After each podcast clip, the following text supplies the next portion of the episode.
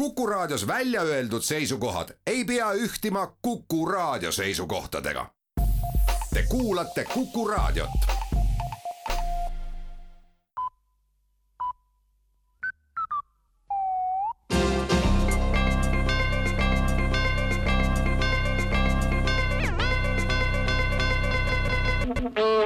tere kuulama uudiseid stuudios Rohke Debelak valitsus annab teada, et täna hommikul lülitati sisse valitsuse autopiloot ja pool tundi hiljem ka Riigikogu autopilootsüsteem. kuni valimiste lõppemiseni ja uue Riigikogu ja valitsuse moodustamiseni toimub riik automaatjuhtimisel, mis tähendab, et poliitikud enam protsessidesse ei sekku, sest see võib negatiivselt mõjutada valimistulemusi kui uus valitsus on moodustatud, lülitatakse autopiloot taas välja, aga seda siiski ainult pooleks aastaks, sest siis on varsti taas järgmised valimised lähenemas ja poliitikutel ei ole aega riigiasjadega tegelemiseks. pikemas perspektiivis võtab tehisintellekt riigi juhtimise tänamutu töö täies mahus enda kanda ja poliitikutel on siis rohkem aega tegeleda tähtsamate asjadega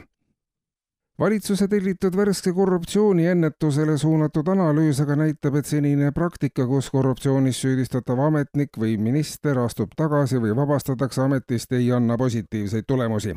kui inimesed omal ametipostil edasi töötaksid, aitaks see korruptsiooni pikemas perspektiivis hoopis vähendada ja lõpuks ka välja juurida. hetkeolukord, kus süüdistuse saanu astub tagasi, toob kaasa selle, et tema asemele tuleksid uued inimesed, kellel varem ei olnud võimalus korruptsiooniga tegeleda ja mõne aja pärast oleks jälle süüdistused päevakorral. kui ükski korruptant enam tagasi ei astuks, vaid jääks ametipostile alles, siis pikkamisi saaksid ametnike pangaarved täis ja neil kaoks motivatsioon korruptiivselt käituda kui aga pidevalt tuua võimu ja võimaluste juurde uusi neljaseid tegijaid, siis ei kaogi korruptsioon mitte kunagi, märgitakse analüüsis ja lisatakse, et pidev korruptsiooni vastu võitlemine ainult tekitab seda juurde ja tuleks seetõttu lõpetada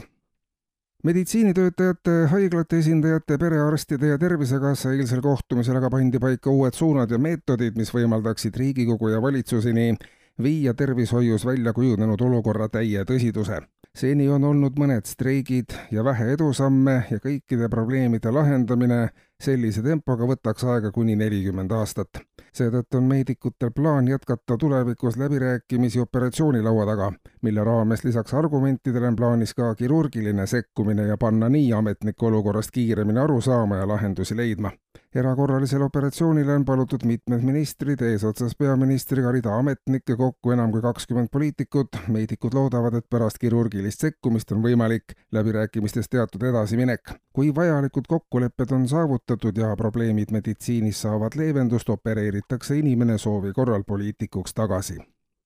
Pärast Maailma Terviseorganisatsiooni vastavaid ettekirjutusi otsustas aga valitsus käivitada kuuendal märtsil, kohe päev pärast valimisi, programmi, mille raames saavad kõik inimesed perearstikeskuses ja kõikides suuremates haiglates tasuta oma silmad ja kõrvad valimisreklaamist puhtaks pesta juba on ka kulukaid vahejuhtumeid Tartus Annelinnas kutsuti päästjad täna varahommikul ühe korrusmaja juurde, kus elanikud kaebasid, et viiendal korrusel on lõhkenud korteris solgitoru. lähemal uurimisel selgus, et lekke põhjustajaks oli kolmekümne seitsme aastane korteriperemees, kellel pärast raadio käimapanemist ja järjekordse valimisreklaami ärakuulamist hakkasid kõrvad sita vett jooksma kogukahju on selgitamisel. Üldrahvaliku enesepuhastuskampaania Teeme ära kaks tuhat kakskümmend kolm raames saab puhastusse tuua ka oma telerid, raadiod, nutiseadmed, et need valimisreklaamist puhtaks pesta, vastasel korral